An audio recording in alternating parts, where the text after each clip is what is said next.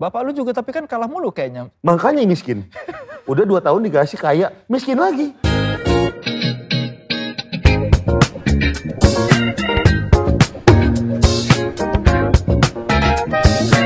Tripod Show, sit and relax. Halo saudara-saudara, jumpa lagi di Tripod Show, sit and relax.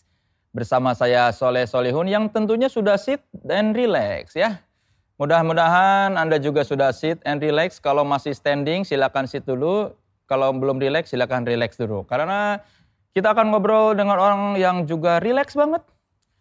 Dan dia saking rileksnya, bahasa rileksnya dia itu menjadi ciri khasnya dia ya. Sudah tahu pastinya saya bakal ngobrol sama siapa, tapi saya bacakan dulu Wikipedia. Gofar Hilman, lahir di Jakarta 26 April 83. Penyiar radio, MC, presenter, pengusaha, pernah main di beberapa film.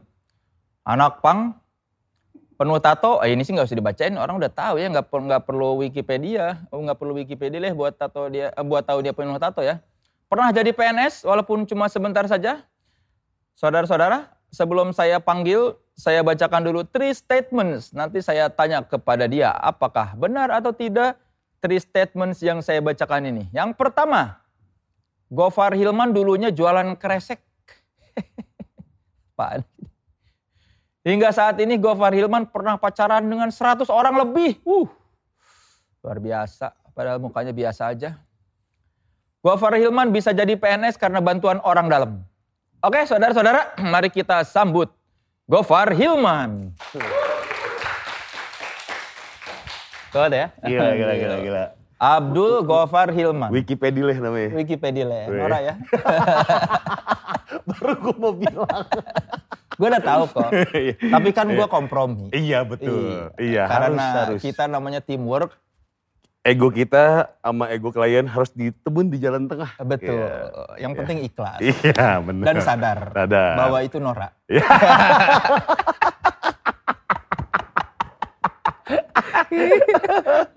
Itu ide siapa ya? Idenya nggak tahu tuh. Eh. Itu siapa Wikipedia? Dari Nansui ya? Oh ya, Oh, dari iya. Nansui. Dia, Nansui ini apa dia memang penulis sketsa di Trans TV. Oh. Jadi memang selera humornya ya begitu. Iya.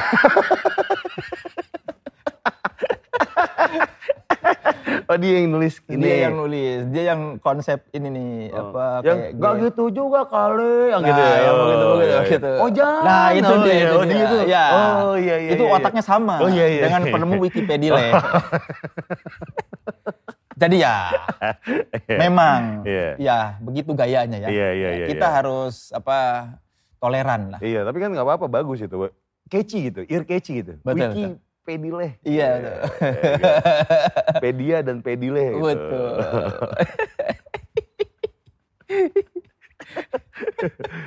Jadi jadi ini Apa? kemarin gua nonton yang Surya Adit akhirnya dipertemukan kembali. Betul. Iya, cuma di sini mereka mau Gila gila. luar biasa ya. Iya, luar biasa. Mereka nggak pernah lu- mau ditemuin loh. Iya, karena hubungan lu dengan Surya baik-baik aja nggak? Siapa? Lu. Sama Surya baik, Hmm. sama Adit juga baik. Soalnya Surya kan terkenal tidak baik. Dia setiap partner dia kan ditinggalin. Kalau ada- ditinggalin. Kalau menemukan kenyamanan baru iya, ya. Iya, ditinggalin. Lu iya. jangan siap-siap aja. Iya, Gua ngasih iya, aja. Iya, makanya gue gak mau akar-akar banget aja. Oh, iya. Iya. Karena biar nggak sakit hati. Iya, profesional kerja aja. Oke, kita konfirmasi three statements-nya dulu ya. Pernah Gofar Hilman dulunya jualan kresek? Pernah waktu kelas 3 waktu nggak bisa bayaran. Kelas 3 apa? SMA. Padahal SMA lu bergengsi ya? SMA 3 teladan. Iya, SMA 3 Iya. Jakarta. Cuma kayaknya gue yang paling miskin ada di situ. Kenapa lu bisa masuk SMA 3 Jakarta? Karena deket rumah. Oh, rayon. Enggak sih, sesimpel nggak mau ada ongkos kalau lapar tinggal makan. Jadi nih rumah gue nih, Le. Heeh. SMA 3 nih ya. Mungkin sekitar 500 meter lah, 200 meter lah. Oh, lu tuh akam sih ya. Akam sih. Jadi anak-anak SMA 3 takut dong sama lu. Agak lumayan sih. Karena oh ini masih gak, ini mana kampung sini. Yang pasti jadi base camp kalau pagi. Karena deket. Deket banget. Mereka, ya gak, mau ngopi sama ngerokok rumah gua. Ya gak? Oh ini rumah yang bebas banget itu. Bebas banget. dan terus lu nggak bisa bayaran umur eh kelas berapa itu? Kelas 3. Kelas kelas, Kelas tiga tiga, Kan SMA. Udah mau lulus. Iya, cuman ada beberapa yang nggak bisa bayaran tiga bulan gitu. Karena apa orang tua lu? Ya karena emang miskin aja.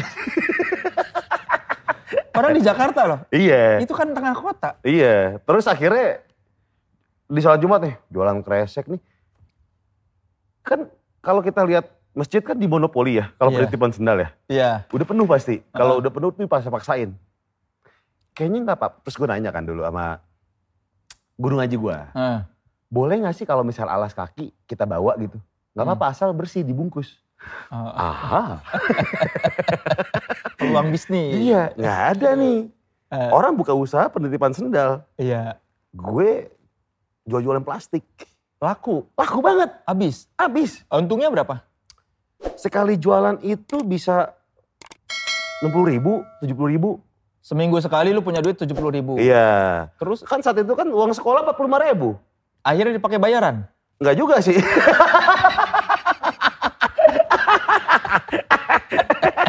Tapi setidaknya gue udah pernah tahu peluang gitu. Iya. Iya. Tapi kenapa? Kan lu niatnya mau bayaran. Kenapa Iya. nggak dipakai bayaran? Lu pakai apa? Ak- Ya pakai buat teman-teman kayak nongkrong gitu kan. Terus ngeband gitu Oh. latihan. Gue yang bayar. Wih, padahal miskin. Tapi royal. Eh. Hehe. Gak apa-apa miskin asal royal. Oh, Gitu. iya. Zaman dulu ya. Mereka tahu nggak lu miskin? Lumayan sih. Lumayan. Soalnya kan teman-teman deket gue, gue semua. Hmm. Gitu. Berarti mereka lebih miskin lagi. Bukan masalah miskin, mereka pelit. Akhirnya gue gitu. Kan harusnya mereka nggak enak dong. Anjir kita dibayarin sama yang paling miskin. Iya, dong. aduh. Apa kata orang-orang GN otak gitu kan. Takutnya kan gitu. Eh, Tapi enggak sih gue yang penting saat itu tuh yang penting teman-teman gue seneng. hmm. Iya. Ya udah. Akhirnya bayaran lu gimana? Ya cari kerjaan lagi. Ngapain? Macem-macem leh. Kayak misalnya dulu tuh gue eh, ada yang panggung-panggungan 17-an gitu. Hmm. Gue ikutan. Jadi apa? Jadi yang kru-kruan. Oh. kru-kruan dan enaknya tuh dari Setiabudi nggak 17-an doang jadi ada sering panggung gitu dan sekitarnya Hmm. jadi kayak kru-kruan dibayar lumayan gitu terus eh, apa namanya ada dulu yang namanya review-review bukan review ya apa ya interview gitu tapi kita Hmm. dibayar Gimana? nih misalnya ada produk nih Hmm. survei gitu kan Oh. iya terus kita dibayar nih dan gue menjadi beberapa orang gitu karakter dengan nama yang berbeda sekali misalnya interview 150 ribu Eh. kali 10 atau koma lima Enggak, itu interview gimana misalnya mereka datang pura-pura lu Lu sebagai tau ini. sih survei-survei gitu yang ada lembaga ya gue gak tahu ya apakah Iya, masih iya. sama sistemnya apa enggak ya Heeh. dulu sih kayak lu nyari 200 orang Hmm. Jadi ada agennya gitu mereka tuh mencari eh lu ada teman-teman lu nggak yang mau diinterview udah ngomong apa aja terserah Oh. kayak gitu Terus lu memerankan 10 karakter. 10 karakter Saya jadi ragu statistik Indonesia ya. kredibilitas Kredibilitas. survei tapi itu dulu mungkin sekarang udah berubah ya Ya mungkin sistemnya sekarang ya. satu orang jadi 20. Iya. Lebih hemat. Tapi lu lulus. lulus, Ah, lulus. lulus. Dengan segala macam biaya yang susah itu. Iya. Lulus gue lulus. Dengan nilai yang lumayan bagus lah. Hmm. Iya. Berapa? Tapi gue gue tuh terakhir-terakhir dulu masih rapot catur bulan ya. Hmm. Per tiga bulan sekali ada tes gitu kan. Oh merahnya paling yang hitam cuma dua lah, sisanya merah gitu. Tapi kelas satu gue ranking terus, akademis bagus lah dari Eh. SMP ke kelas 1 gitu kan. Terus? Nah sejak mengenal cinta, Wah, Iya. nyalahin cinta. nyalahin cinta. Gak, gak, gak, gak. Emang lagi emang demen main aja. Eh, Iya. Jadi tuh gue emang di sekolah tuh emang jarang mandi. Bukan jarang, mungkin seminggu dua kali lah mandi lah. kenapa? Karena balik malam, Hmm. tidur pakai baju seragam. Besoknya tinggal jalan.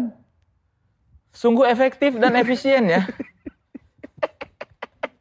Terus lu kagak gatel? Enggak sih. Kayak seru aja gitu kayak. Apa ya? Buang-buang waktu tau gak mandi. Mandi kan paling Lu- 10 menit. Lu pernah ngerasain gak mandi terus ngos-ngosan? Enggak. Abis, abis mandi tuh gue selalu ngos-ngosan kayak.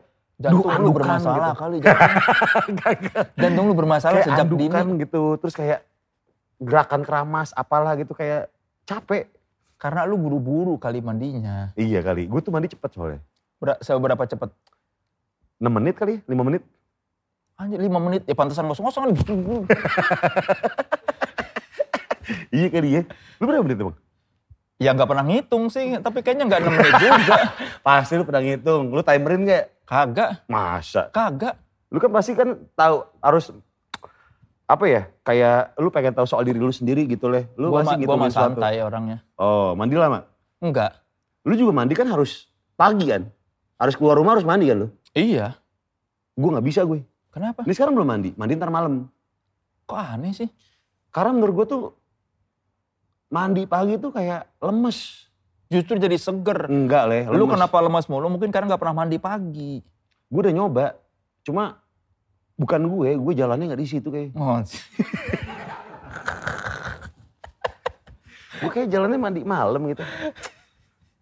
Enak lah habis mandi malam. Lu mandi malam mandi lagi gak? Mandi. Kalau ya belum. zaman corona gua mandi lagi malam.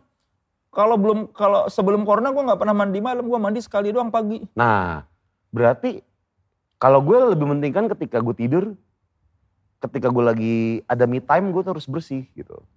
Kan Kalau ketemu cuci, kan cuci muka juga bersih, cuci muka, sikat gigi, ganti Iya baju, ganti celana, cebok. Bener juga ya, gitu aja deh. Ah, emang lu males aja sih. nah itu jalan kresek berapa berapa lama? Kelas 3 doang, cuma cuma empat kali sholat Jumat lah. Oh, setelah itu kenapa berhenti? Karena gue dimarahin sama penjaga masjidnya. Oh, Sama meng- tukang- mengambil bisnis dia. Iya, dengan alasan kamu jualan tapi nggak sholat gitu. Gitu. Harusnya kok kamu tahu saya nggak sholat berarti kamu juga nggak sholat dong. bener juga. Iya kan? Bener juga. Iya kan? Orang yang Bener tahu juga, orang nggak sholat berarti nggak sholat juga. Bener juga, katanya gini, kalau jualan di sini harus dengan seizin masjid.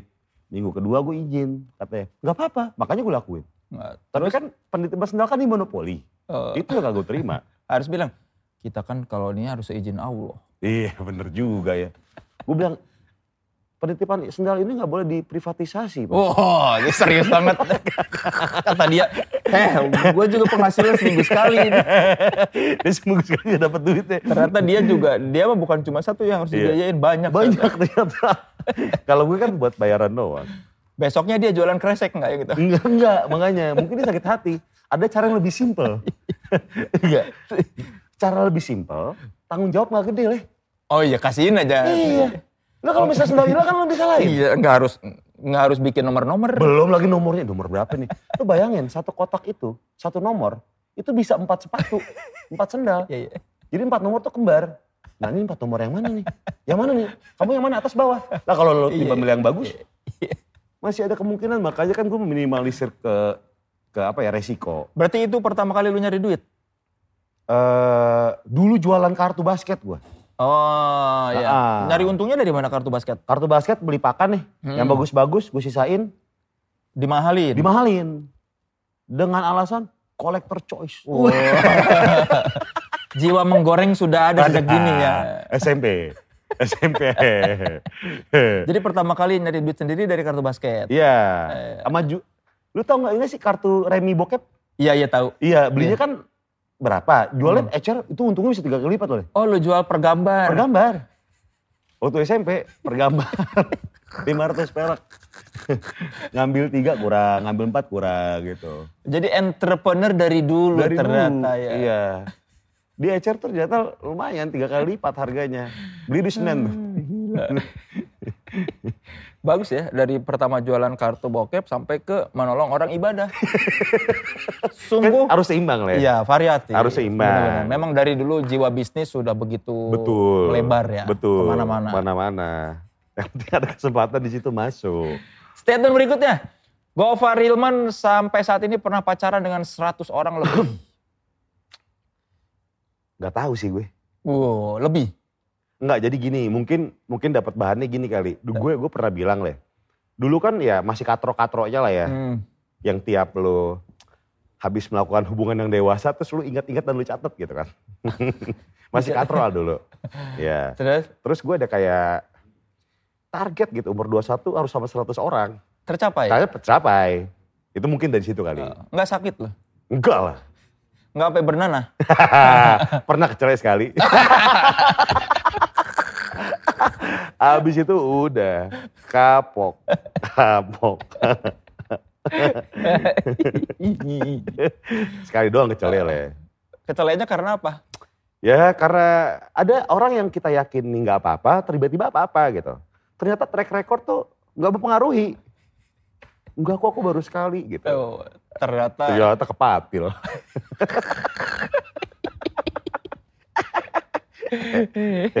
Statement berikutnya, Gofar Hilman bisa jadi PNS karena bantuan orang dalam. Betul.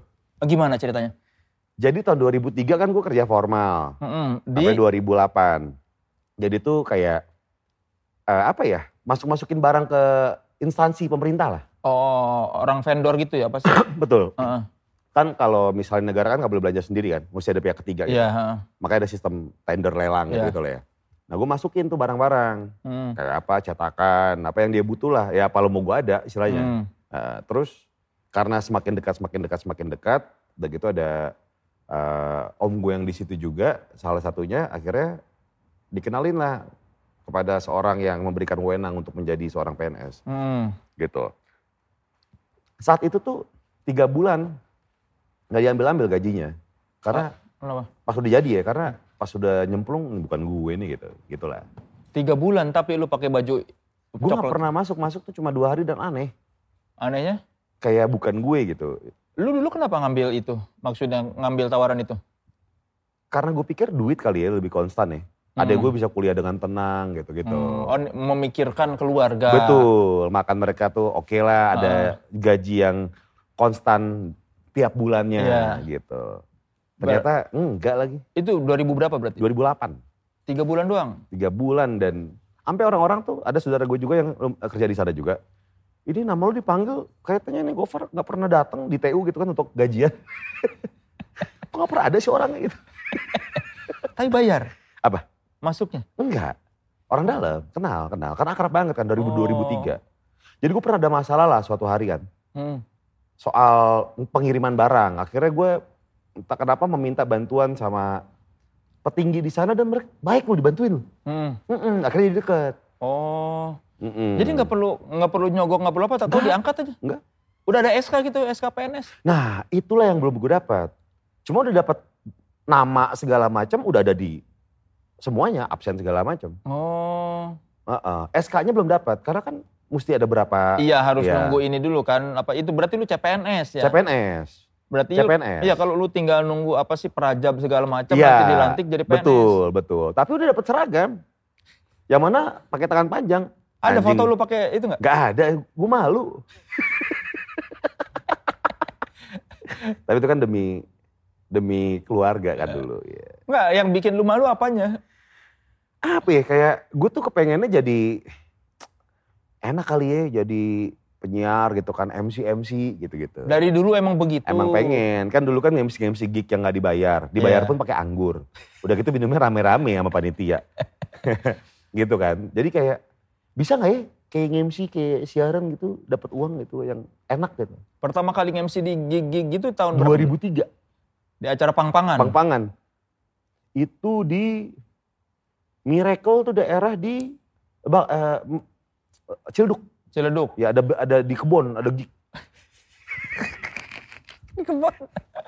Yang manggung tuh bukan suara rundown, yang udah lengkap. udah lengkap. Manggung, manggung, manggung, manggung. Udah lengkap belum? Vokalisnya lagi ngerokok dulu. Yaudah ntar aja. Yang udah lengkap siapa ya gitu? Oh, gitu. Kagak ada rundown. Kenapa lu yang jadi MC? Karena ketika gue nongkrong, mereka ya gue tuh kayak kayak selalu ngelit pembicaraan. Oh. Heeh, terus icebreaker lah Hmm. kayak kata mereka. Jadi MC bisa kali ya gitu. Oh masa? Ya udah deh coba aja buat seru-seruan doang. Hmm. Ya udah. Apa nama acaranya tuh yang di Aduh lupa gue. Itu lumayan tuh di belakang. Di belakang deket eh, Seskoal yang ada di Delman-Delman itu sebelah kiri itu dulu masih kebon banget. Nah di situ tuh kebon. Milih kebun juga karena nggak bayar ya? Iya nggak bayar. Akamsi aja acara akamsi. Berapa jam? Dari sore sampai jam 10 malam. Cuma pas sudah kelar acara ada band yang datang udah tapi nggak pakai listrik. Nganyeng nganyeng nganyeng. Listriknya putus warga. Tapi di situ lu nemuin kenikmatan. Nikmat banget. Di weekdays gue yang formal gitu, tiba-tiba weekend nggak dibayar nggak apa-apa deh gitu. Memenuhi Hmm. Apa ya? Jadi energi baru gitu leh. Emang gara-gara siapa lu pengen jadi MC atau penyiar? Kalau penyiar gara-gara Bang Komeng. Oh gara-gara komeng, SK. Komeng. SK dulu. Kan gue Hmm. penonton setia SK. Hmm. datang ke Radio SK. Ngelihat mereka tapping. Ngeliat mereka Oh, tapi iya, ngeliat live Iya, gitu. liat, liat, iya, iya, mereka siaran radio. Oh. Wah, Komeng nih juara sih. Datang nih produser kan. Karena dulu kan penyiar radio rockstar banget ya. Iya. Orang nonton di radio tuh yang ketepuk tangan tuh emang natural ya. Bukan kayak mesin gitu. Iya, iya. Emang ada orangnya dalam menonton. Dan tiap cut itu rolling. Oh, Banyak yang ngantri. Oh gantian. Gantian. Jadi oh oke sekarang giliran ini nonton. Gue bubar ya masuk lagi. Kalau kenal sama orang dalamnya gitu. Jadi lama. Stay. gue nonton Bang Komeng dulu di Amor Group. Heeh. Iya. Wah ini orang jenius nih. Kagak pakai skrip. Datang produser gini doang. Ngomong apa nih kita? Serah udah. Tiba-tiba produsernya ngomong gini. Komeng jadi kucing ya.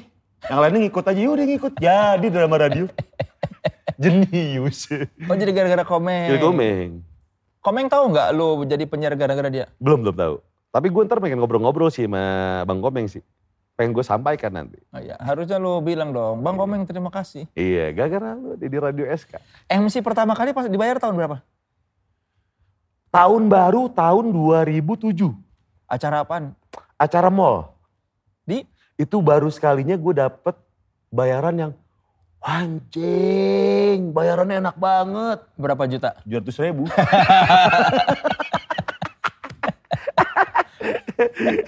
Potong 300 sampai ngasih kerjaan. Eh, Jadi pulang 400. Enggak, Oh, sejuta tuh- kan. Oh sejuta. Kan Iya, 700 tuh buat lu. Enggak itu mall apa? Aduh gue lupa mall mana. Daerah-daerah, kalau nggak salah teras kota baru buk. Eh bukan, bukan, bukan. Jauh-jauhan deh. Bekasi atau enggak BSD gitu. Itu temen lu yang ngasih kerjaan ke lu. Iya. Karena Karena dia dia dia anak yang suka bikin-bikin gig juga. oh Gitu. Lu coba dari sini, bisa kali lu. Yaudah, acara tahun baru. tahun baru.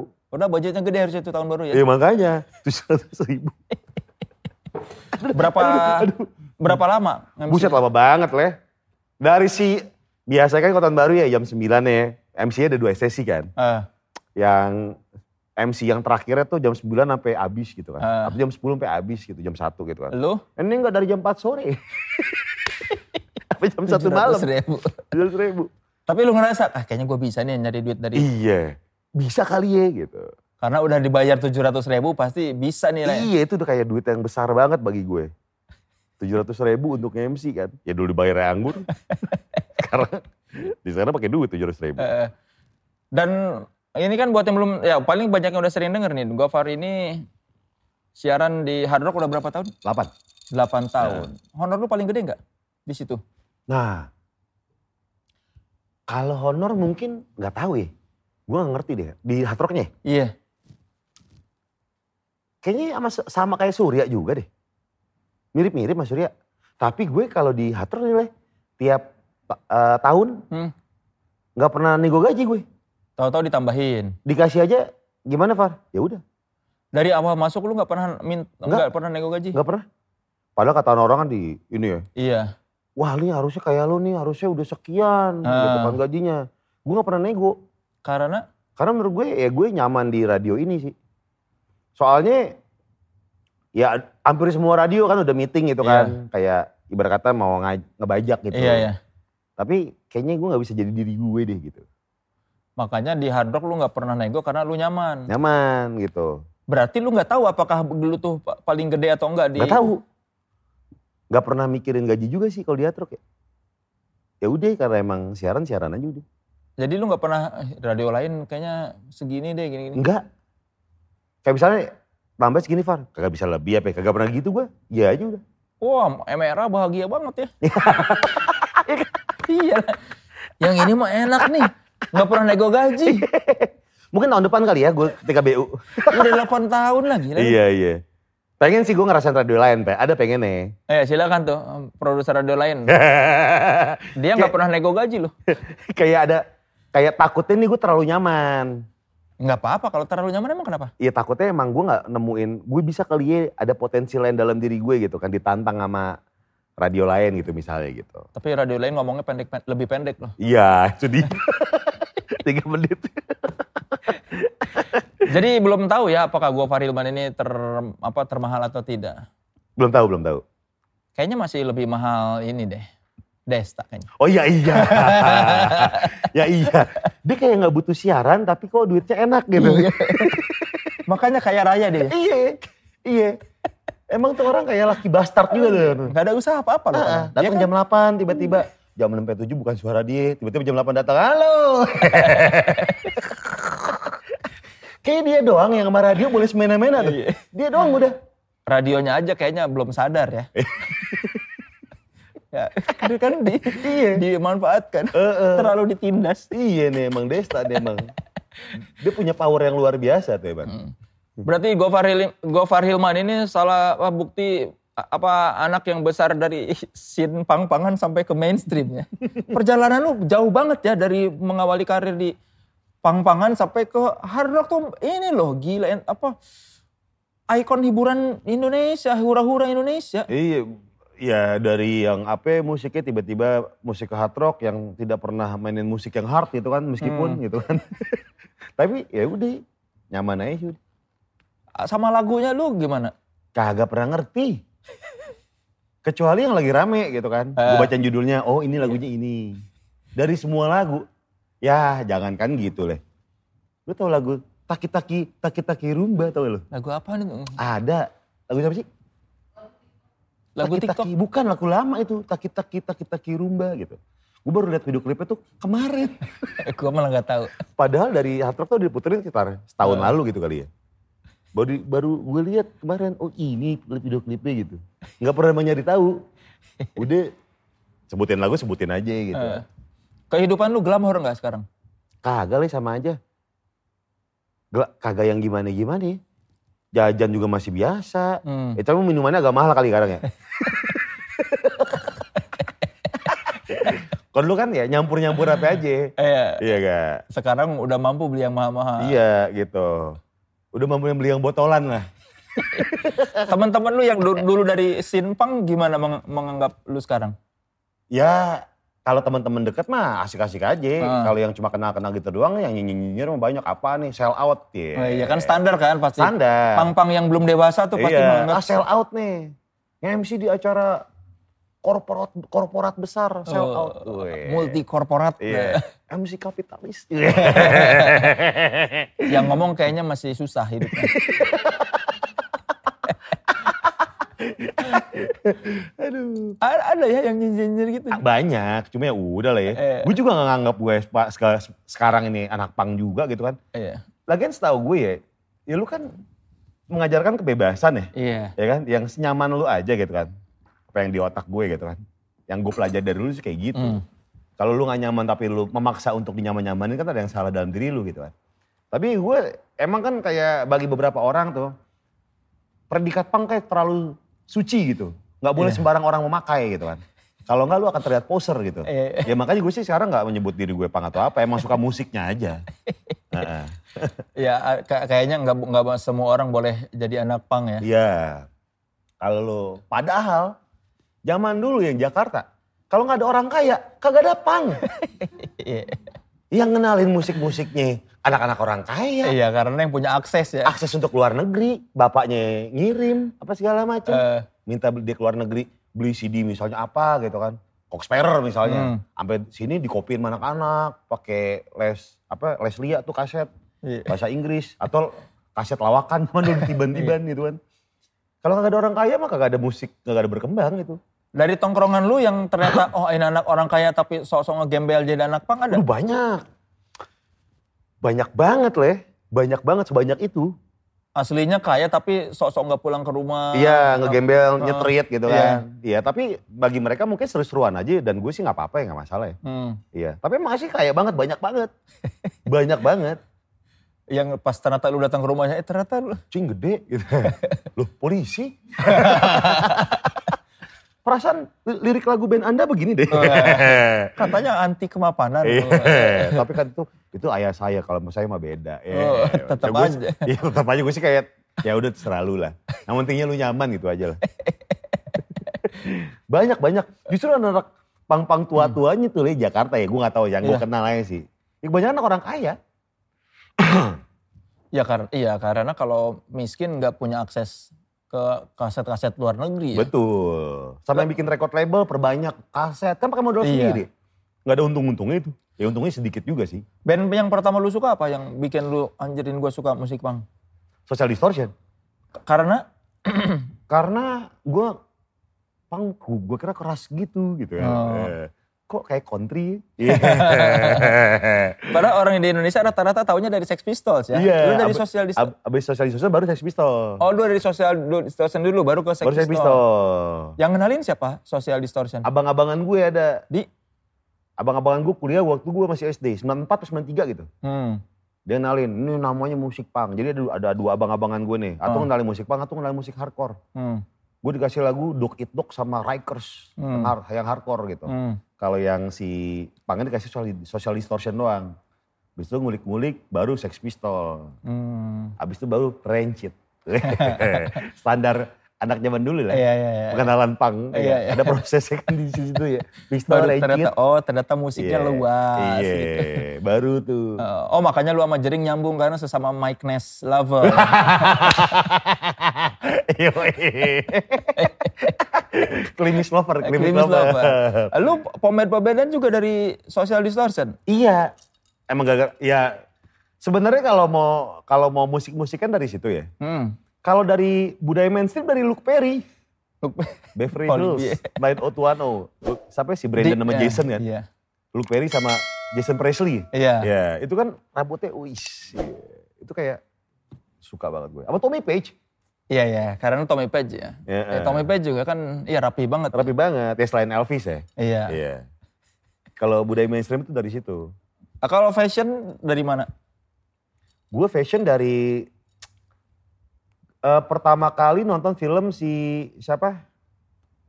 Eh eh, ini Grease John Travolta. sama Olivia Newton-John. Iya. Ya dari situ ngelihat anjing ini keren banget nih. Cuma gue coba pakai dulu pakai Bril cream ya. Iya, iya, kalau kehujanan Set putih-putih. Set gitu kan bet. Wah kayaknya enggak Bril cream nih ya. Ganti lagi produk lain. Emang dari gue SD tuh ngoleksi eh, minyak rambut. orang aring dipakai nggak? Orang aring. Sampai dipakai itu lemes, lepek banget. Yang bau. Kayak tikus keceburgot leh. Lepek banget pala gua. Kalau kebanyakan bau kan? Iya, iya. Heeh. Sampai tanco. Eh, iya. Itu gue koleksi tuh. Sama yang hairspray, sampai yang foam. Eh, Dulu kan zamannya foam. Iya, yang Iya, heeh. Sampai gue koleksi, nggak pernah berhasil membuat set gitu jambul.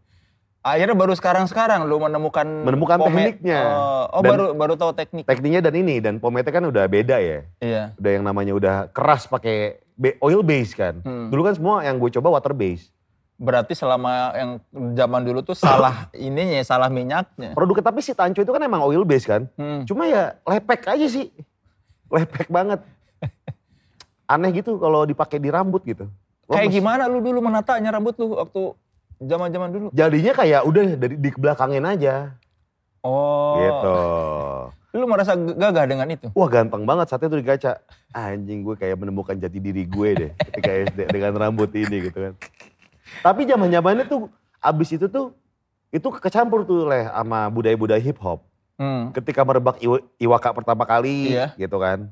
Terus gue ngeliat apa Dr. Dre pakai topi LA Iya. gitu kan. Itu gue ikut-ikutin tuh sempet. Kan masih hip punk, hip hop, punk, hip hop gitu. Oh lu masih mencari. Mencari gitu kan. Sempet, eh, kan ada yang foto lu pakai topi basket itu apa? Iya, sih? LA. Iya. Kayak Dr. Dre. Iya. Gara-gara, gue gak tau musiknya padahal. Beli topinya biar sama. Tahu Dr. Dre dari Dari poster. di mana poster di mana? Jadi, balik lagi ke orang kaya deh. Tetangga gue ada anak orang kaya. Hmm. Gak? Abangnya kuliah di luar negeri, di Amerika. Hmm. Tiap dia balik, bawa poster-poster. Gue tahu dari Tony Hawk, tahu skateboard, tahu Heeh. Dogtown tuh dari abangnya. Oh, hmm. Heeh. Terus apa ada hip hop Dr. Dre gitu kan. Terus NWA gitu. Dari si abangnya semua nih, abangnya teman gue, tetangga gue nih. Heeh. Gitu. Tapi musiknya lu suka? musiknya baru gue dengerin. Akhirnya pas SMP, SD mah ikut-ikutan aja. Tapi ketika SD kan ada ini. Ada pesta rap baru keluar, Iya. Denada baru keluar, Iya, iya, iya. Iwaka baru keluar. Itu kan kayak budaya kayak pop sekarang itu kayak bung Iya. semuanya tuh hip hop banget gitu. Jadi lu sempat merasa setelan hip hop itu keren gitu? Keren banget gitu. Pakai jaket flanel beli di Sarinah gue. Topi Dr. Dre. Sama dulu bokap gue sempat kaya 2 tahun doang. Akhirnya udah beliin Jordan. Oh dibeli iya. Kau bisa kaya cuma dua tahun? Karena dia dapat project. Hmm. Kalahnya sama judi. judi sama mabuk. Iya yang gue pernah dengar di itu. Bokap lu tuh di rumah ya judi sama maboknya. Iya, orang gue diajak main judi. Nih liatin nih, ini kalau begini kombinasi kurang nih, ini begini main gaple, plak gitu. Oh gitu, kayak gue tertarik deh. Soalnya gue kalau judi gak pernah hoki leh. Semua judi gue cobain gue gak pernah hoki, bahkan judi bola. Yang gue tahu nih, ini tim bagus nih, gak mungkin kalah, kalah. Bapak lu juga tapi kan kalah mulu kayaknya. Makanya miskin. Udah dua tahun dikasih kaya, miskin lagi. Tapi gue sempet dikasih airsoft gun sama Air Jordan. Oh, Weh. itu di masa kejayaannya. Iya, Air, Air Jordan 9 ya gak? SD gue udah pakai Air Jordan. Oh, ka- karena sempat kaya. Iya. Jadi bener lagunya Roma ya. Apa? Judi itu kan ini. Iya dilarang. Ketagihan, Le. Emang lama banget bokap lu suka judi? Lumayan lama dia. Sebelum mendekatkan diri sama hal-hal yang berbau agama ya. Oh sebelum dia ini dapat hidayah. Iya, dia tuh judi dan pemabuk berat lah. Makanya bokap lu ngasih nama lu Raskal ya. Raskal Hilman. Art, yang artinya kata bajingan. iya kan filmnya Little Raskal itu kan buat anak-anak kecil bandel kan. Iya, bandel. Ditanya sama kakek gue, kenapa namanya Raskal? Artinya apa? Bajingan. Ya udah diganti. Diganti jadi Abdul Ghaffar Hilman. Gitu. Soalnya dia takut kalau gedenya jadi bajingan. Untung gak jadi bajingan nih. Bener. Iya. Iya, coba kalau dikasih nama. Dikasih Raskal jadi Uh. bajingan gue. Bener. Itulah. Alhamdulillah loh. Iya, maksudnya. itulah pelajarannya dari Gofar bahwa jangan ngasih nama anak sembarangan. ya. Sembarangan. Karena doa ya. Doa. Untung gue jadi bajingan loh. Bener. Untung religius banget sekarang Gofar. Iya. Kan Abdul Gofar, Hilman. Gofar itu kan maha pengampun. Abdul tuh hamba. hamba, hamba yang maha pengampun kan. Hilman tuh bijaksana. Uh, sudah pengampun bijaksana. Heeh. Luar biasa. Gila gue gak kebayang kalau gue namanya jadi Raskal sebajingan apa coba gue. Uh, nggak ngira deh gua. Untung. Gofar ini kan rajin kajian. Betul. Bentar, Ari Untung nelfon. Kirain Aldi Taher. Tapi ajak dong ke sini. 3 second podcast ayo dong Aldi Taher. Banyak yang request tau. Jangan nanti 30 menit habis buat ini. Siapa tahu dapat insight yang berbeda dari Aldi Taher gitu kan. Selain Komeng, role model lu siapa? Siapa ya? Nah ini nih, kalau ditanya idola, jujur aja gue bingung. Kagak tahu gue. Gue tuh bukan tipikal orang yang misalnya dia konser gitu kan. Hmm. Gue suka banget sama Bad Religion misalnya. Hmm. Manggung di sini gue nggak ngejar-ngejar sampai hotel gitu. Hmm. Meskipun gue suka banget sama lagunya. Kenapa lu nggak mau ini, meng- nggak mau mengidolakan apa orang itu? Nggak tahu kenapa sih. Nggak kayak gitu gue. Nggak yang mau ribet-ribet nyamperin gitu. Berarti yang bisa masuk ke orang yang mempengaruhi lu banget secara itu tuh karya tuh Komeng doang ya? Untuk akhirnya jadi Iya. profesi, Bang Komeng. Selain Komeng nggak ada lagi yang Nggak ada lagi kayaknya deh. Untuk profesi ya. Iya. Bahkan gini deh, apa namanya, nggak tahu nih apakah sebuah eh, kelebihan atau kekurangan ya. Misalnya bikin YouTube nih, Hmm. dulu kan sering banget bikin daily vlog, daily vlog, daily vlog gitu kan. Iya. Gue tuh nggak pernah nonton daily vlog orang. Akhirnya gue minim referensi, Oh. sangat minim referensi gitu kan. Tapi ya kata orang baiknya adalah "Li, lu original aja jadinya. Hmm. Tapi menurut gue nggak tahu gue kalau bingung tuh nonton kalau nonton YouTube paling kayak eh, apa namanya review kamera gitu. Terus video klip video klip band. Karaokean kayak gitu. Terus video-video eh, apa namanya begal-begal ditangkepin. Ngapain sih nonton? kalau YouTube gitu nontonnya. Kenikmatan apa yang lu dapat dari nonton video begal ditangkap? Kayak "An- mampus lo gitu kayak gitu. kayak gitu. Lo rasain lo gitu. Keywordnya apa tuh? Begal aja. Begal ditangkep. Banyak loh, coba dah. Coba sekarang. Mungkin 3 second podcast akan mengundang begal berikutnya. Begal yang ditangkap. Ngobrol sama Soleh. Gimana rasanya ditangkap? Iya. Ya gitu-gitu aja bang. Gua lihat sih yang ada satu. itu tembaknya beneran gak sih kakinya gitu? Ada, ada yang ditembak kan kejar-kejar itu kan yang paling parah itu kan. Wih, Yang ditembak belum Iya. mati-mati juga kan. Nggak tahu itu nggak kena atau dia Tapi- nyagung Tapi akhirnya die kan. Die. Itu juga Setelah dia, dia, berhenti dulu. Tapi itu kocak sih itu. Tapi kalau dia sempat baca syahadat sih masuk surga kayaknya. Iya bener. Langsung ini kan apa namanya tobat. Iya kan. Tobat. Langsung Iya. "Eh, masuk surga. Iya. Bener juga ya. Siapa tahu kan, wah ya aku ingat dosa. Jadi masuk surga. Iya. lu kan semua udah, YouTube udah, apa segala macem, ya kayaknya hampir semua udah lu kerjakan dalam Kagak, bigo gue enggak. mau buka apa? TikTok, TikTok enggak gue. Lu TikTok punya gak? Enggak. Enggak, gue enggak gue. Bingung mau ngapain? Iya. Karya maksudnya, dalam Oh. berkarya lu udah banyak segala macam bidang. Yang yang lu belum capai apa dalam karya? Banyak sih Le. Apa? Kayak ya kalau usaha-usaha banyak banget tuh usaha-usaha yang gue pengen jalanin. Hmm. Gue tuh, gue tuh eh, sebenarnya orang yang tahu misalnya lima tahun ke depan gue ngapain. Oh gitu. 10 tahun ke depan gue mau ngapain. Udah udah tahu banget gue. Lu ter, selalu terencana gitu. Terencana kalau soal pekerjaan Ah. dan apa yang gue lakuin udah gue rencanain dari sekarang gitu.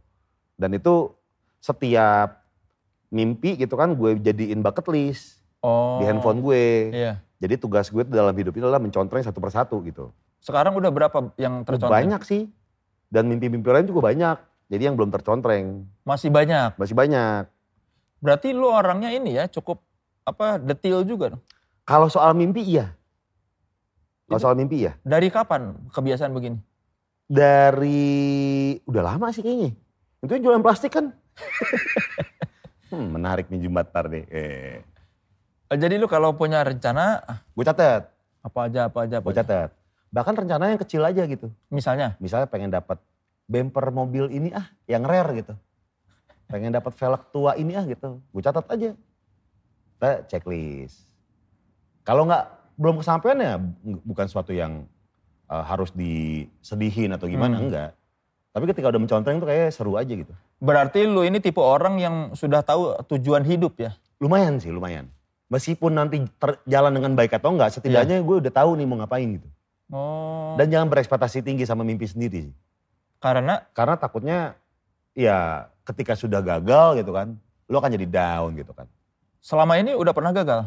Pernah gagal tapi mindset gue selalu diubah bisa diganti dengan mimpi yang lain gitu. Eh, Waktu kapan gagal tuh? Ya misalnya pengen punya apa gitu kan, Hmm. terus gagal. Terus akhirnya bisa diganti dengan mimpi yang lain gitu. Hmm. Kayak gitu-gitu sih sebenarnya bukan hal yang perlu dipusingin sih kalau kegagalan itu. Tapi lu belum pernah sampai ke titik terendah maksudnya ya? Apa yang bikin lu kecewa banget atau sedih banget? Oh pasti kalau keluarga zaman dulu. Kayak gimana? Yang SMP tiba-tiba bokap gue eh, pisah gitu Ah. kan. Terus kitanya nggak ditinggalin apa-apaan zaman dulu gitu. Hmm. Akhirnya udah. Mulai-mulai tuh. Ngapain nih? Nanti gue SMA ngapain nih? Dulu sekolah ngapain nih? Kayak gitu. Udah mulai mikir akhirnya. Oh gara-gara bokap nyokap lu pisah, lu Pisah. malah jadi lebih mikirin masa depan. Iya. Karena di situlah titik di mana gue mulai tidak mau bergantung sama orang lain. Dan dari itu kejadiannya gue tuh nggak mau berekspektasi tinggi sama orang. Dan dari situ gue udah mulai apa ya tidak mau minta tolong lagi, meminimalisir minta tolong. Karena Karena gue males apa ya punya hutang budi tuh nggak? mungkin gara-gara lu ngelihat bokap lu orang yang bisa di- lu percaya ternyata meninggalkan lu gitu. Betul, betul. Dan kita tuh abis itu kontak-kontakan udah lama nggak? Nggak kontak-kontakan karena Hmm. sebegitu benci kan zaman dulu Hmm. kan. Tapi akhirnya kan memaafkan. Umur berapa lu memaafkan? 2006-2007 lah ya. Baru dong. Pas gue kerja. Oh. Lu memaafkan karena apa? Karena ternyata keluarga adalah peperangan yang gak harus kita menangkan kok. Hmm. Menang ngapain percuma, apa yang lu dapet. Iya. Dia tetap bapak lu juga gitu. Akhirnya lu ya udahlah emang Iya. udah saatnya begitu. Akhirnya udahlah kita dekat lagi. Bokap lu masih ada? Udah meninggal. 2007. Oh 2007 itu. Pas kita dekat tuh nggak lama-lama ketemu sih dulu mungkin setahun atau dua tahun sekali ya pas lebaran. Ah, Itu juga gak selalu ketemu. ah. Dan habis itu tuh baru pas akhir-akhir dia mau itu tuh kita sering ketemu lah. Pas dia udah apa? Mendekati ajal. Ya dan dia Iya. udah dapat hidayah, udah jadi orang yang baik. Betul. Tapi kalau untuk dekat sama agama sih udah lama dia, udah 8 tahunan yang laluan gitu lah. Setelah pisah itu. Iya. Udah tuh dekat. Jadi kan bisa dibilang broken home dong kalau gitu. Lu. Iya.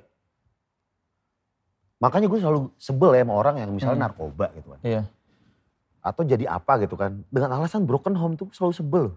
Iya. Itu bukan hal yang harus dijadiin alasan untuk lu berbuat nakal lo nggak lo? Iya, Atau berbuat nakal nggak mah, bener lo? nakal mah karena lu pengen nakal, Kalau bukan pengen karena nakal broken aja, home bukan ya. karena keluarga. Orang pas broken home, yang di otak gue gimana cara kerja, udah. Gitu. Lu jadi malah optimis ya. Jadi optimis. Dan jadi, nah gue mulai titik balik gue menjadi orang yang keras banget tuh di situ tuh. Keras banget gimana? Keras banget yang dulu tuh gue kayak, eh, apa namanya, selalu setia kawan deh yang penting teman gue seneng gue nya enggak nggak apa-apa gitu. Dari situ titik balik tuh yang membuat gue berpikir, kayaknya gue harus senang deh dibandingin teman-teman gue. Hmm. gitu. Lama-lama SMA kelar kerja gue menjadi sosok yang individualis nih. Hmm. Yang akhirnya tuh menimbulkan insecure sama orang-orang. Kar- Insecure gimana? Gak percayaan banget. Oh, Bayangin leh, baru tahun ini gue bentuk tim sendiri buat sekut ini. buat sekut ini. Baru tahun ini gue mempercayakan diri untuk orang lain ngedit video gue. Setelah berapa tahun? Iya, dulu gue ngedit. Seminggu bisa empat kali video. Gue yang ngedit semua. Emang awalnya kan demen, wih belajar. Aduh Premiere nih, wih awal-awal transisi dibikin bagus, grading warna, lama-lama bodoh aja ceplok-ceplok kan. lama-lama capek, tapi akhirnya udah mulai percaya ini. Bikin tim karena ternyata tuh gue gak bisa sendiri. Emang apa yang momen apa yang bikin lu ah gua harus butuh orang lain? Ternyata gue baru sadar bahwa energi ini harus dihemat-hemat sedemikian efektifnya. Hmm. Iya, contoh kayak gini-gini nih syuting nih. Hmm. Intinya gue maunya konsep sama jadi talent udah. Hmm. Persiapan lu semua. Eh enggak, editing lu semua. Gitu. Karena ternyata tuh efektif banget. Sebelumnya lu pengen menguasai semuanya ya? Semuanya karena sebegitu tidak percayanya sama orang. Oh. Bukan masalah nggak mau bagi-bagi rezeki ya. Sebegitu tidak percaya sama orang gue. Wah, edit, edit video editor pertama gue aja stres kali. Pertama kali kerja, gue di sebelah dia. Oh, ditungguin. Ini nih, ini, ini, ini, ini, ini cut ini nih, ya, ini cut taruh sini. Awal-awal dia masuk, dua hari pertama, tugas dia cuma duduk di sebelah gue, lu liatin gue ngedit ya. Oh, gayanya. Iya, liatin nih cara gue ngedit nih gayanya. Gitu. Lama-lama kesel dia, nggak konsen. Bung, bang gue bingung bang, yaudah deh. Lu coba sebebas lu dulu, hasil ntar gue lihat. Eh, Nah tuh udah mulai biasa, nah udah mulai percaya tuh gue sama orang. tapi lu bisnis kan sama banyak, lawless sama banyak orang. Itu gi- gimana lu percaya sama mereka? Nah kalau sama si teman-teman lawless kan memang udah ada ini masing-masing kan. Hmm. Dan gue percaya sama kapasitas mereka. Hmm. gitu. Sama Aryan, sama Semi, sama Ucup, sama Roni gitu kan. Hmm. Udah percayalah dan kita kan memang awalnya kan memang dari bukan gue sendiri. Hmm. Kecuali kalau gue sendiri gabung sama mereka. Oh. Sifat egois gue mungkin masih kental. Hmm. Tapi awalnya gue udah berdua sama Ucup, gabung sama Semi dan Aryan Hmm. gitu. Nah emang dari awal tuh udah teamwork sih. Tapi lu sama Ucup kenapa percaya waktu bikin piston itu? Karena dia tuh orang yang apa ya? Orang yang pertama dia paling gak neko-neko deh sama orang. Hmm. lurus-lurus aja gitu kan. Jadinya dia tuh tahu gitu, bisnisnya dia paham, terus di pergaulan dia juga bagus gitu kan. Berarti di Lawless ini dari lima orang semua punya apa job desk masing-masing yang Iya. nggak bisa digantiin sama yang lain. berarti. Betul. Lu ngapain? Kalau gue ibaratnya kayak udah pionnya aja udah yang kalau misalnya ada interview-interview gue yang maju Ah. gitu.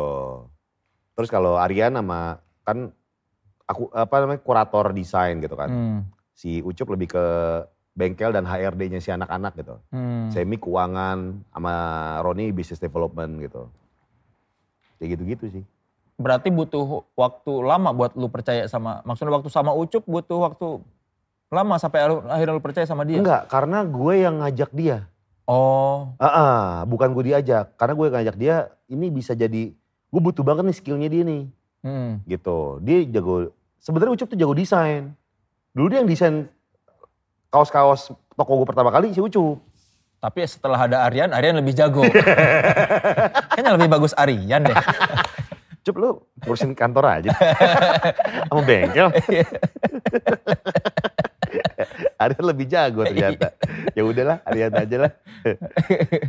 Tapi ka- kalau ngomongin kenakalan, lu kenakalan lu paling parah waktu eh, sepanjang apa sih apa sepanjang hidup lu yang menganggap yang lu anggap ini kenakalan gua paling tidak bisa dimaafkan. Ngisengin orang kali ya. Hmm. gue tuh doyan banget is- ngisengin orang tuh mungkin, waduh, nggak tahu ini seru apa enggak ya, tapi bagi gue tuh zaman itu seru banget gitu. Kayak tiba-tiba, ya kayak teman gue lagi tidur, le- le- giginya gue power glue. Bangun-bangun terus ngomong gini, ini kenapa yang bigu sih ini? Terus tangannya gue power glue. Terus insto isinya gue ganti cuka. Jadi pas lagi abis motor kan merah mata. Dicukai, di instoin terus kayak, dulu kok jalan-jalan mata gue. Itu hal yang sangat berbahaya sebenarnya ya. Ya, gue heran mereka masih mau berteman sama lu ya. Agak musuhan sih seminggu. Minggu depan main lagi gitu. Tapi yang sampai menyusahkan orang tua ada nggak? Gak ada sih gue. Bahkan momen-momen di mana anak kayak misalnya masuk penjara ya, gue gak Hmm. pernah ada di dalam momen itu. Lu selalu beruntung. Iya, selalu beruntung gue. Gue gak pernah masuk penjara gue. Teman-teman gue nih setongkrongan masuk semua. Gara-gara apa? Mecahin mobil, berantem, gitu-gitu. gue gak pernah. Pas lagi berantem, lagi main skate nih, set. Wah gerimis lagi cabut deh gitu. Udah ntar aja, enggak gue lagi enak badan kan. Cabut Ah. aja gue naik ojek ke rumah. Eh, mereka berantem masuk penjara semua.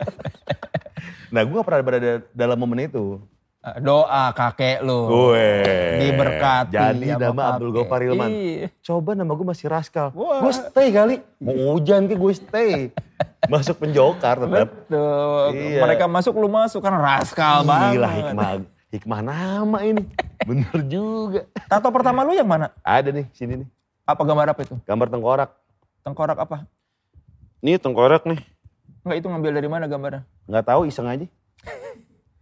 Awalnya kan ini kan kepala tengkorak nih Ah. di sini nih. Awalnya gue pengen punya mengidam-ngidamkan tuh tato yakuza gitu leh. Oh yang motif-motif. Yang cuma berhenti di tete sebelah kanan lah. Iya. Di sini gitu. Set dari sini ke sini, ya gak? Wah keren nih desainnya tengkorak aja nih, mana digambar di kertas. Wah anjing bagus tuh. Ini aja deh. Ya udah tato yakuza ya. Iya, wah anjing akhirnya gue punya tato yakuza. Zaman dulu kan masih pakai rotari ya mesinnya. Jarum jahit gitu ngang ngang ngang ngang, ngang, ngang gitu kan pakai dinamo Tamiya. Hmm. Longsongannya pulpen pilot gitu kan. Titare, titanya rotring gitu. Udah nih di sketsa sama dia pakai spidol pertama. Bagus sini. sketsanya. Gue lihat di kaca bagus banget nih kak. Nah tato pertama kali kan di dada tuh salah satu part Sakit. yang paling sakit kan. Ah. Di tulang dada ini. Ngeng, ngeng, ngeng. Wuh, kayak naik bajai lah. Lu bayangin jarum satu, jarum Eh. jahit. Di dada tengah lagi. Pertama kali gak, gak. Gue merem mulu dong. Pas gue ngaca, dia natonya di sini. Kan udah di sketsa, dia kan sebelumnya dia ngomong gini. Eh, saya minum vodka dulu ya. Emang boleh? Nato minum vodka? Kalau yang artis tatonya boleh, yang ditato jangan. Oh gitu ya. Udah minum dulu, habis tuh si botol. Udah di sketsa nih di sini. Dia mulai di sini, Kenapa dari sini? jadi sini? gagal gue punya tato Yakuza. Umur berapa itu? 2000 apa 2001 gitu. Kalau ini cewek siapa? Nyokap, Oh foto nyokap, nyokap. kecil. Waktu umur 26. Oh. Ya gak? Nyokap lu nggak marah lu ditato? Enggak. Dulu pas pertama tato kan di, di, di Ya Dada disembunyiin. kamar mandi kan di luar. Hmm. Tiap habis mandi selalu ditutupin anduk. Ya gak? Selama seminggu tuh, anjing nih ribet banget nih. Tiba-tiba nyokap gue tuh masuk kamar yang pintunya tuh gak dikunci. Hmm. Gue lagi telanjang. Gak pakai baju maksudnya. Pakai boxer doang. Brek. Anjing ketahuan lagi. Tato lu? Iya. Soalnya angkatin radio. Lah hukumannya suruh angkatin radio. Tahu gitu dari awal. Berat banget nih kayak hukuman. Aduh. Nggak ada nasihat apa-apa Gak ada. Ya gimana udah dibikin? Ah, raskal, raskal. Kata dia. Kata dia, "Ki masih ada raskal-raskal ini. Pasti dia nyalahin, nyalahin bokap lu kan. Ah ini sih. Nih gara-gara dia. Tiga tahun kan lu Iya. pakai nama Raskal. Iya. Pang- sempat dipanggil Raskal berarti waktu kecil. ya? Iya. Bukan Hilman. Bukan Raskal Hilman. Masih ada aktenya tuh. Apa? Dari surat lahir. rumah sakit. Iya, kenal lahir gitu. Ya surat. eh. Ya. Pakai C, Raskal pakai Hilman. K. Pakai K. Soalnya kalau pakai C itu takutnya kat- kalau kata, kata nyokap gue dipanggilnya Rascal. Iya. Mm-mm. Sekarang lu dipanggilnya Last Child. malah. Ya. Virgon. Iya kan? Tapi emang beberapa tiap gue ke minimarket nih, gue masuk ke minimarket, misalnya lagu Surat cinta untuk Starla. Ini kayaknya ada yang aneh nih. Gue soalnya sering kayak gini nih. Eh, gimana sih lah gue? Nggak enak lah. Iya. Kok gue selalu setelin lecak. Set, gue ke kasir kan. Dia gini-gini abang nih. Bang, gak manggung lagi? Wah anjing bener kan nih. Gue disangka Virgon. Karena gue disangka kayak gitu, akhirnya gue salah-salahin cuy. Iya cuy, gue dikeluarin dari band. Yang bener lu bang, ya, gue bikin-bikin gosip aja. Tiap ditanya gitu, minimarket bang, Esa kapan manggung lagi? Benci sama band gue sekarang, gue udah mau keluar. gosip itu. gosip. Ya salah sendiri lu yang Ternyata si Baca. Virgonnya kalau dia ke minimarket, sekut cuy. bang, bang, gak gini bang. Iya digituin ternyata, ternyata dia. Terus dia juga gitu. Jelek-jelekin. Iya, iya. Enggak, gue sekarang, gue mau hijrah. Eh bener hijrah. Emang bener hijrah. Bener hijrah. Tapi kalau menurut lu yang membuat lu sukses itu apa? Apa ya? Kayaknya dari dulu sampai sekarang gini-gini aja deh. Gak ada yang diubah gitu dari sifat gue. Hmm. Bahkan kalau dibilang ya, kalau misalnya dibilang, ah Gofar mah eh, berubah sekarang gitu kan. Gak kayak dulu. Memang sih dulu kayaknya gue di sosmed ngomong kasar, kasar banget gitu. Hmm. Di Youtube ngomong kasar, kasar banget gitu kan. Sekarang kayak, nggak tahu kenapa direm-rem aja, bukan direm ya kayak, keluarnya tuh nggak kayak dulu aja. Karena lu udah sering dapat job korporat. Bisa jadi. Mungkin tingkat komprominya lebih besar kali. Iya. Atau atau gue berpikir kayak apa ya? Kata-kata jorok, kata-kata kasar itu bagus atau keren ketika di tempatnya. Iya. Nggak selalu diucapkan gitu loh. Kalau dulu kan tiap kalimat koma Iya. tuh jadi kata jorok, titik Hmm. tuh kata jorok gitu.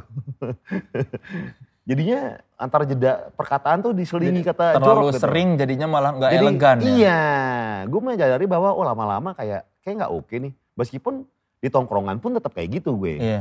Tapi sekarang gue merasa bahwa kata kasar ini, kata-kata makian ini tuh memang harus berada di tempatnya biar tetap terlihat keren. Biar tetap ada nuansa makiannya ya. Betul. Kita, Gak cuma nggak cuma titik koma doang. kita ngobrol lagi soal medsos nanti. Hmm. Setelah kita kasih games dulu ya. Pilpres nama gamesnya. Wih apa nih singkatan ini? Tadi Ya, kan eh, tadi kan Wiki. Wikipedile. Apa apa Sekarang kan Pilpres? Apa? Kira-kira apa coba? Pilihan, under pressure. Under pressure. Yoi. Ini masih yang sama nyetainnya? ya pasti. Masih, masih. Pasti dong. Masih, masih.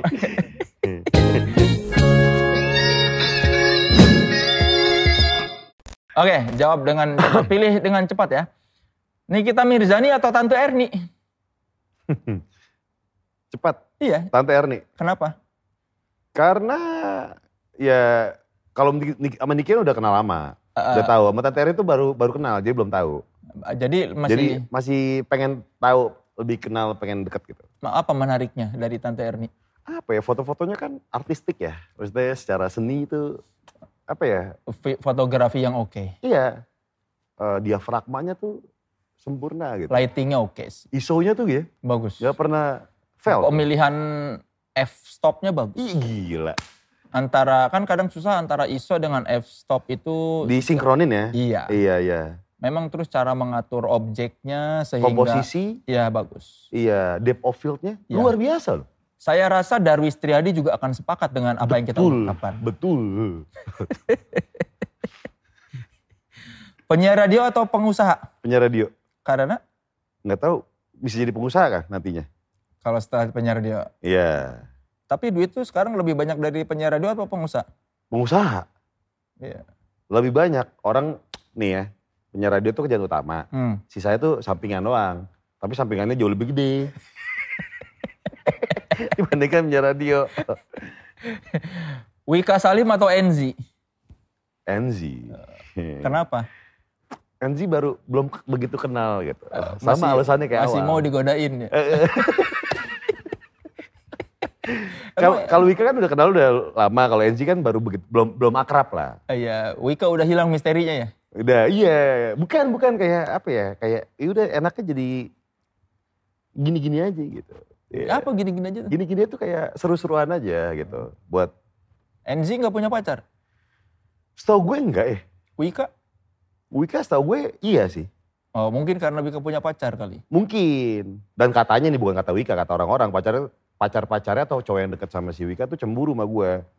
Berarti mereka insecure dong. Insecure. Tapi gue wajar sih lah ya.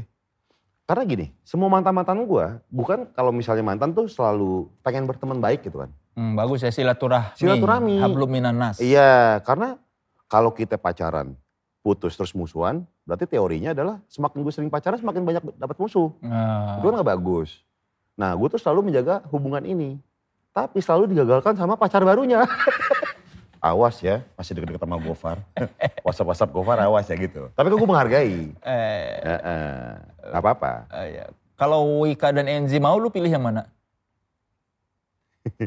Enzi kayaknya ya. Ka- karena Enzi tuh kayaknya ti- tipikal cewek yang lu ngelawak apa aja dia ngakak. iya, Nggak baik hati ya, baik Ya, hati. nggak perlu. Apa tadi maksudnya sih? Iya, gitu, iya, kayak iya. gitu. Mungkin dia ya, mah ah lucu aja. Iya, iya. Walaupun iya. nggak terlalu ngerti dia iya, ketawa iya, aja. ketawa dulu, ketawa dulu baru nanya mungkin. Oke, tadi gua lagi ngobrolin medsos ya. Lu Iya. apa kan lu bilang kalau di YouTube apa segala macam udah nggak terlalu kasar. Hmm. Kalau di medsos apakah sekarang lu lebih hati-hati? Di Twitter misalnya? Oh iya. iya. Tidak tidak. Gue tuh kangen sama gue yang dulu sebenarnya. Khotbah timeline. Iya lu bayangin kalau itu ada di sekarang. Uh apa yang terjadi gitu Iya. kan. Iya. Gue tuh kangen sama gue yang dulu gitu kan. Yang kayak nggak ada sekat gitu. Ngomong apa pun kayak bodoh amat gitu kan. Sekarang tuh nggak kayak gitu lagi gitu. Karena apa yang nahan lu? Banyak hal sih. Gue baru sadar bahwa kebebasan kita adalah batasannya adalah kebebasan orang lain. Hmm, Dan kebebasan orang lain di sini nih yang masih rancu. Iya. yang apakah ini boleh atau tidak gitu kan. Dan gue malas memperdebatkan hal itu sebenarnya. Jadi ya udah, kalau nongkrong aja bahasanya vulgar parah. Iya. Ya, atau enggak kalau di YouTube gue sendiri, kalau di sosmed mungkin kayak di Instagram, Twitter, ya seperlunya aja lah, nggak perlu nggak perlu yang terlalu ngumbar gimana gimana gitu. Jadi lu kalau ada opini yang pengen lu omongin juga kadang-kadang lu tahan karena ah nggak perlu lah diomongin. Nggak perlu lah gitu. Udah diketik nih, ya, kayak nggak perlu lah. Apa misalnya yang pengen lu komentarin tapi nggak jadi? Oh kemarin udah gue komentarin, gue bilang kan ada lagi rame kata anjay nih. Heeh. Gue bilang sebenarnya kata anjay itu nggak jelek-jelek amat. Kalau lagunya baru jelek. itu emang gue pure aja sih pengen nge-tweet itu. Eh, tapi lu jadi merasa nggak seru nggak maksudnya ketika lu banyak Banget, banget. Kayak teman-teman dekat gue, lu kayak nggak seru banget sih di sosmed ya. Udah lah ya. Yang penting kita kalau ngobrol tetap seseru itu gue bilang. Kalau terlalu seru nanti malah berbahaya ya. Berbahaya. Karena sekarang kan semua bisa di plot twist kan. iya. Iya. Omongan lu yang apa sih yang dulu pernah diserang apa feminis feminis ya apa sih? Eh lu lu tuh diserang Sering sih gue sama feminisme. kayak yang gue punya segmen ngobrol, ngobrol bareng mahasiswi. Iya. Itu gue hentikan karena bukan desakan dari para Netizen. netizen itu enggak. Karena ternyata gue sadari bahwa mereka banyak yang gak jago ngomong. Oh, Jadi susah. capek. Jadi lu malah harus ngo- ngo- ngo- Capek, iya. Karena gue sadar sih, mereka kan bukan bukan yang kayak lu gitu kan, yang kerja itu depan kamera. Iya. Ah, ah, mereka depan kamera pun nggak ngomong, kayak bikin konten TikTok, Instagram lah Iya. apa, nggak perlu public speaking yang tinggi secara gitu visual kan. menarik. Iya. Setelah gue ngomong kayaknya anjing basi banget nih. Ini kerja editor gue nih sangat berat nih. Oh, jadi berhenti ngobrol apa bareng mahasiswa tuh bukan karena SJW. Bukan, karena emang udah bosen. Bingung gue, bukan sesuatu yang seru lagi kan bikin konten kan. Iya. Yang penting ini gue demen. Meskipun Oh, iya. ininya tinggi gitu kan minatnya, itu minatnya tinggi banget lah. Tapi ditonton nggak menarik ya. Pas gue tonton kok gue nya gak seneng gitu kan. Jadi kayak ya udahlah gue udahin aja. Ya, ya, berarti mungkin cuma ada tapi ada yang menarik ngobrolnya. Ada yang yang menarik ada gitu kan, tapi yang nggak menarik banyak banget. Kan ngulik-ngulik pembicaraan nih, anjing capek lagi, effortnya luar biasa. Ya kita udah nanya, jadi gimana gini gini gini gini gini gini, Eh, gimana? Ya gitu aja. Hmm. Hmm.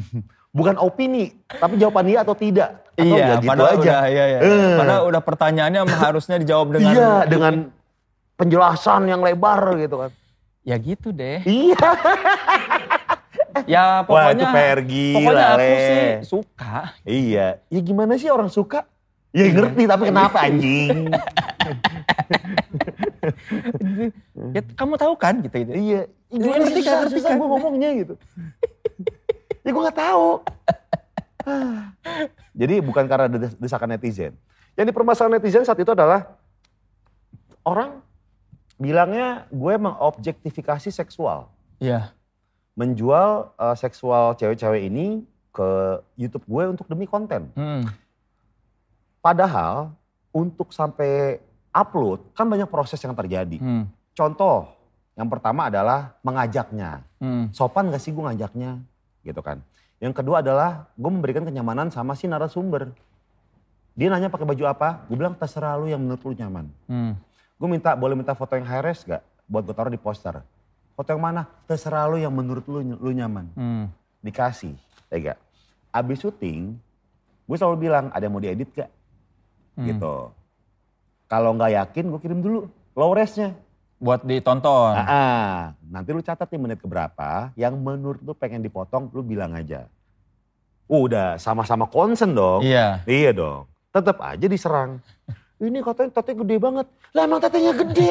Ya, lu pakai jaket juga tuh tete gede, tete gede aja udah. Dia kan pakai baju ya? ketutup gitu. Kok nyalahin tete dia? Iya. Nyalain pola pikir lu lah yang porno. Heeh. Nah, tapi ini yang gue perhatiin ya. Eh, Kalau cowok, gue akhirnya menemukan teori lah.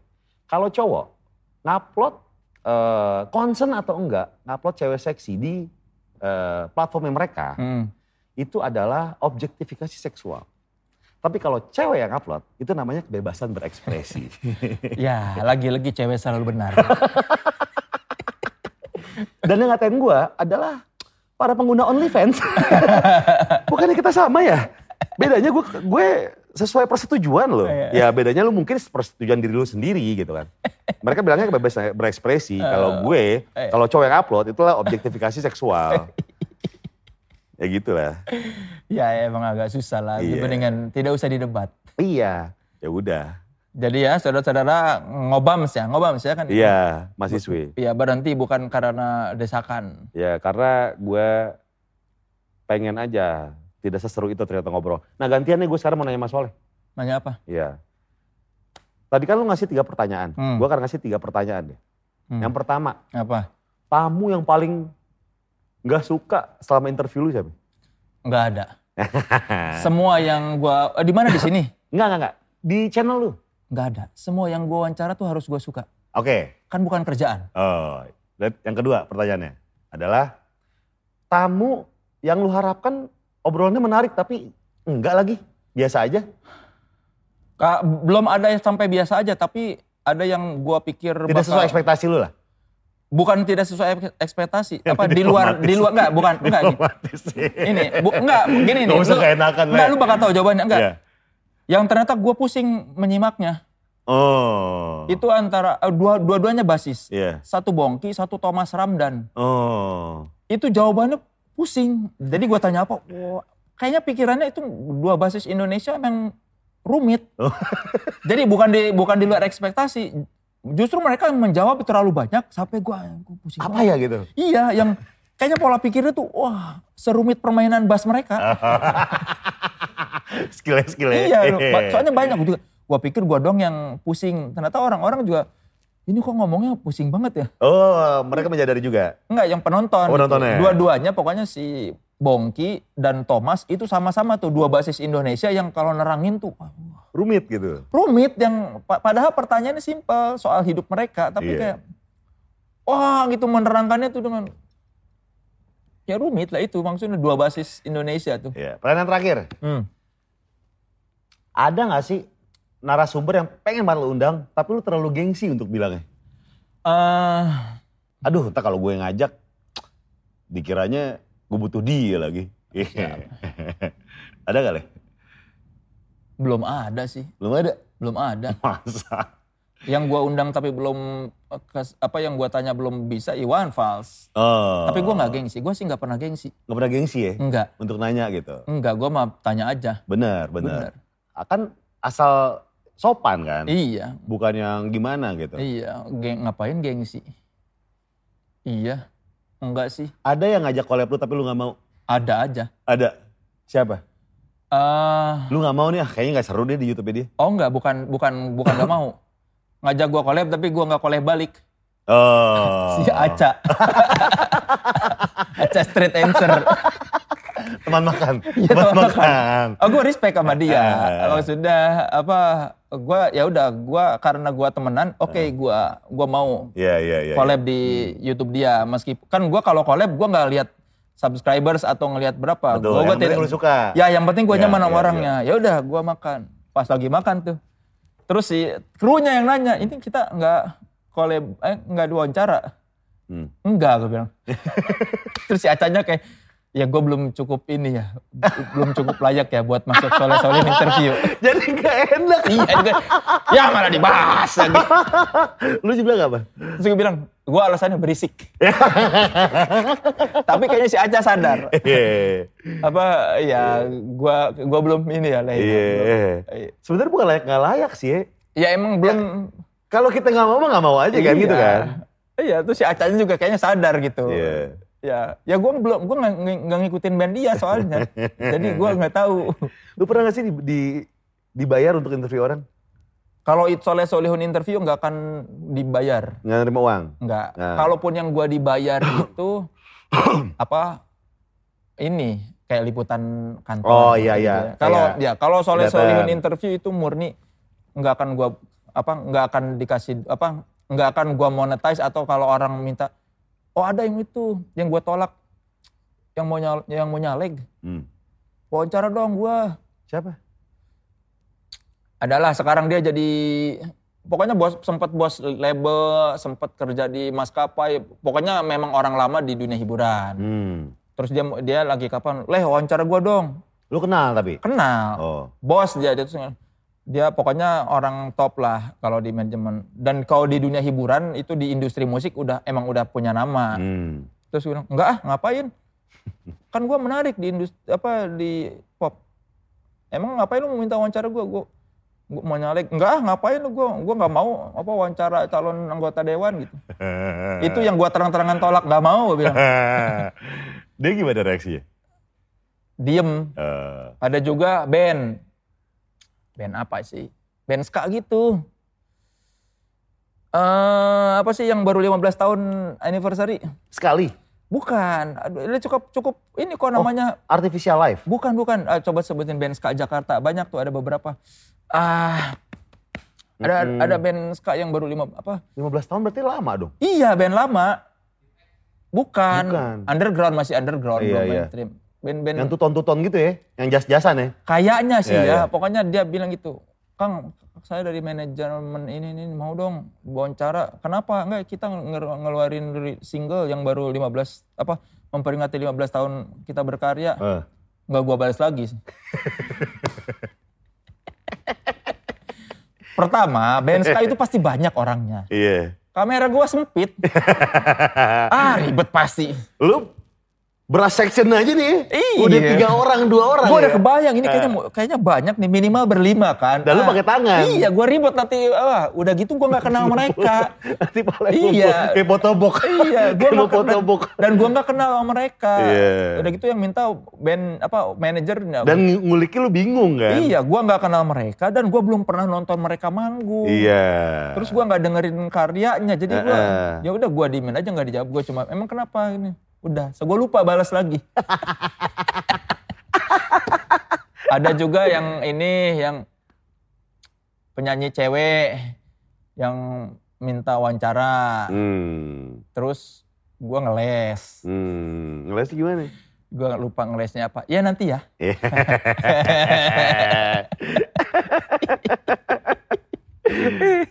oh gitu. Iya, iya, iya. iya. Ya udah, kita balik lagi ke Gofar Oh, iya, iya, Hilman balik ya. lagi, balik Iya, iya. Eh, tadi sampai mana ya kita ngobrolin sampai lupa ya? Nah, kemarin kan lu apa kayak sama Nikita segala Lu ini nggak apa? Jumping nggak? Apa? Jumping. Deket-deket gitu. Enggak sih biasa aja. Maksudnya ya gak jemping-jemping amat lah. Sama Siska Ae jumping nggak? Belum pernah ketemu gue. Tapi kan video, kan apa, Video call. videonya kan berbahaya itu kalau di Iya, Twitter. Iya. Cuma emang pernah bikin konten video call doang. Hah. Tapi emang sebelum itu emang sering video call. Tapi biasa aja, kebanyakan juga ngobrol sih. Eh, Heeh. karena sibuk memikirkan pertanyaan jadi tidak sempat jumping ya. Iya, kayak banyak yang pengen dikulik gitu. Gak sempet jumping. Gerak dikit ya lah ngangguk, Oh. dikit lah ngangguk. Cuma- Gitu.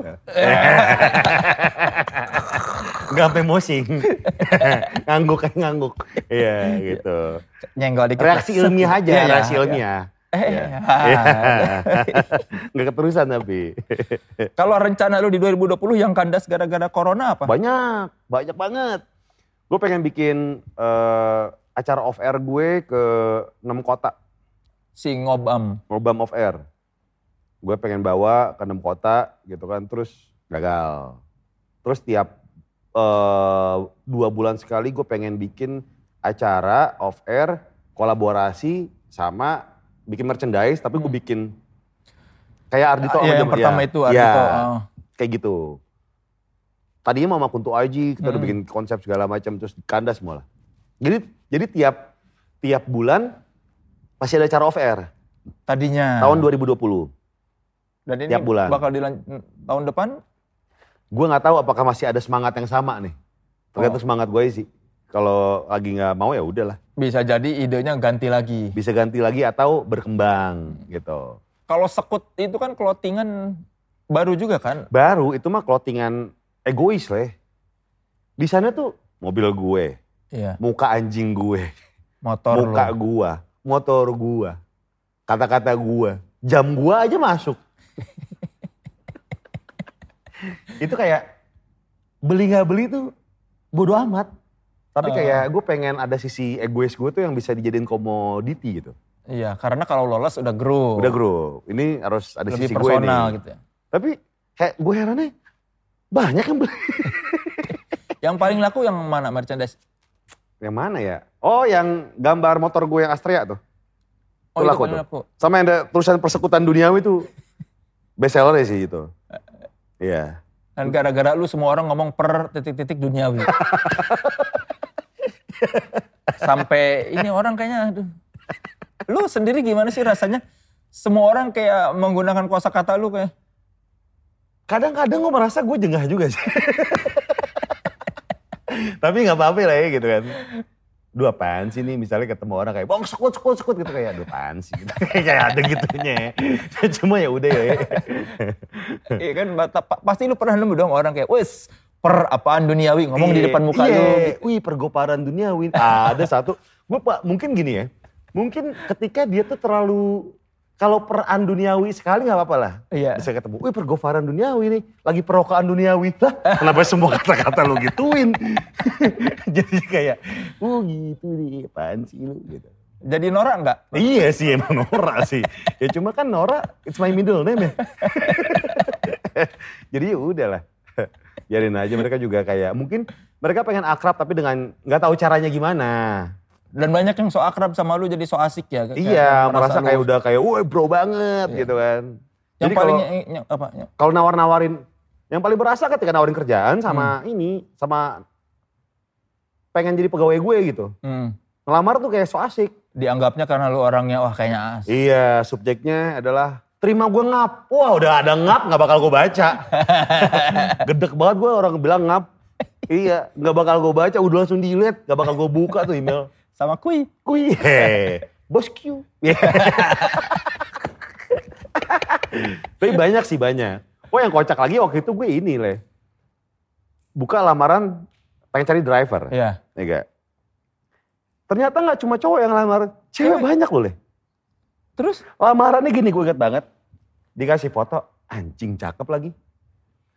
Pertama eh, di headnya atau head emailnya siap mengantarkan Bang Gofar ke mana saja bahkan sampai Bobo oh Oh, iya. Hmm. Menarik. Perlu dipikirkan. Driver merangkap escort. Cuma enggak, akhirnya enggak. Karena nanti pada akhirnya lu yang harus nyetirin juga ya kalau itu kan nggak enak. Iya, iya. Iya enggak lah. Oke, karena sudah saatnya kita berpisah, gue mau ini dong nanya Boleh. Kalimat bijak yang memotivasi lu apa yang Aduh, paling oh, ada yang lagi. menurut lu anjir yang keren banget kata-kata yang buat lu ini Aduh gak ada lagi gue bingung nih kalau disuruh kata-kata bijak beneran deh. dari Mike Ness mungkin? Enggak, kutipan lirik. Iya, yang anjing keren banget. ya. Ini gue banget deh. Gak ada gue, gue bingung. Enggak ada. Gak ada. Kalau moto hidup lu apa? eh lakuin sekarang aja sih. Udah misalnya ada apa nih lakuin Hmm. sekarang. Gue tuh paling gak bisa nunda-nunda leh. Bagus ya bimbo sekali ya. Iya. Berbuat baik. Janganlah ditunda-tunda. Dan gue orangnya memikirkan waktu gimana caranya biar efektif. Oh. Misal gini, eh apa namanya? Ada tiga kerjaan dalam satu hari, gimana caranya bisa selesai semua? Hitung waktu tuh, dari segi macetnya, dari segi nunggunya, gue hitungin semua. Nah kalau janjian sama orang, gue bahkan nggak on time tapi before time. Hmm. Biarin gue yang nunggu daripada gue lebih seneng gitu. Makanya tadi lu datang setengah dua ya? Iya, dibandingkan gue ditunggu. Lebih beban gitu. Kalau lebih nunggu mah gue nggak apa-apa, gue bisa nyantai. Hmm. Setidaknya nggak bikin orang lain gak enak. Betul, betul. Oke, sungguh etos kerja yang baik sekali saudara-saudara. Oke, saudara-saudara ternyata di balik penampilannya yang urakan, Gofar Hilman ini seorang yang sistematis dan terencana ya. Iya, Memandang hidup jauh ke depan. iya. 10 tahun lagi, gitu. 10 tahun lagi mau ngapain kira-kira? Waduh, gue pengen punya bengkel cat dan toko velg gede. Toko apa? Toko namanya? Eh suku otomotif, Wow. rims. Udah didaftarin belum itu suku otomotif? Udah dong. Oh. Daripada bermasalah ya. Bener, bener. Iya, iya. Jadi sekali lagi saudara-saudara terima kasih sudah Thank menyaksikan Tripod Show. Terima Iya. kasih Gofar Hilman ya. Thank you Soleh. Semoga bisnisnya makin berkembang ya. Amin, amin, Semoga dapat jodoh. Mau nggak didoain dapat jodoh? Eh boleh. Gak Nyari yang kayak gimana? Apa? Nyari yang kayak gimana? Hmm, nyari yang apa ya? Yang aku gak ngerti sih gue. yang gede aja kali ya. Apanya? Percaya dirinya untuk berhubungan baik lebih serius gitu. Oke. Iya, iya. Oh senangnya yang gede percaya dirinya. Iya, iya. Padahal kan kalau Gue yang gue sama senengnya cari yang di atas sih. oh gitu. Suka sama suka cewek yang di atas. Soalnya kalau di bawah tuh berisik, banyak motor lewat kan. Kamar di Oh. atas tuh lebih tenang. Ya, tapi kalau di atas tuh katanya jadi dia yang dominan. Iya, karena kan kamar gue di bawah di atas. Iya. Woi ambilin minum gitu. Oh, Iya, iya mah gitu. Gue ke atas lagi. Oke, saudara-saudara, jadi silakan diambil hikmahnya ya bahwa kalau Anda ingin seperti Gofar Hilman, Anda harus tahu apa yang dituju beberapa tahun ke depan ya. Jadi dia ini tidak seberantakan yang kita kira ya.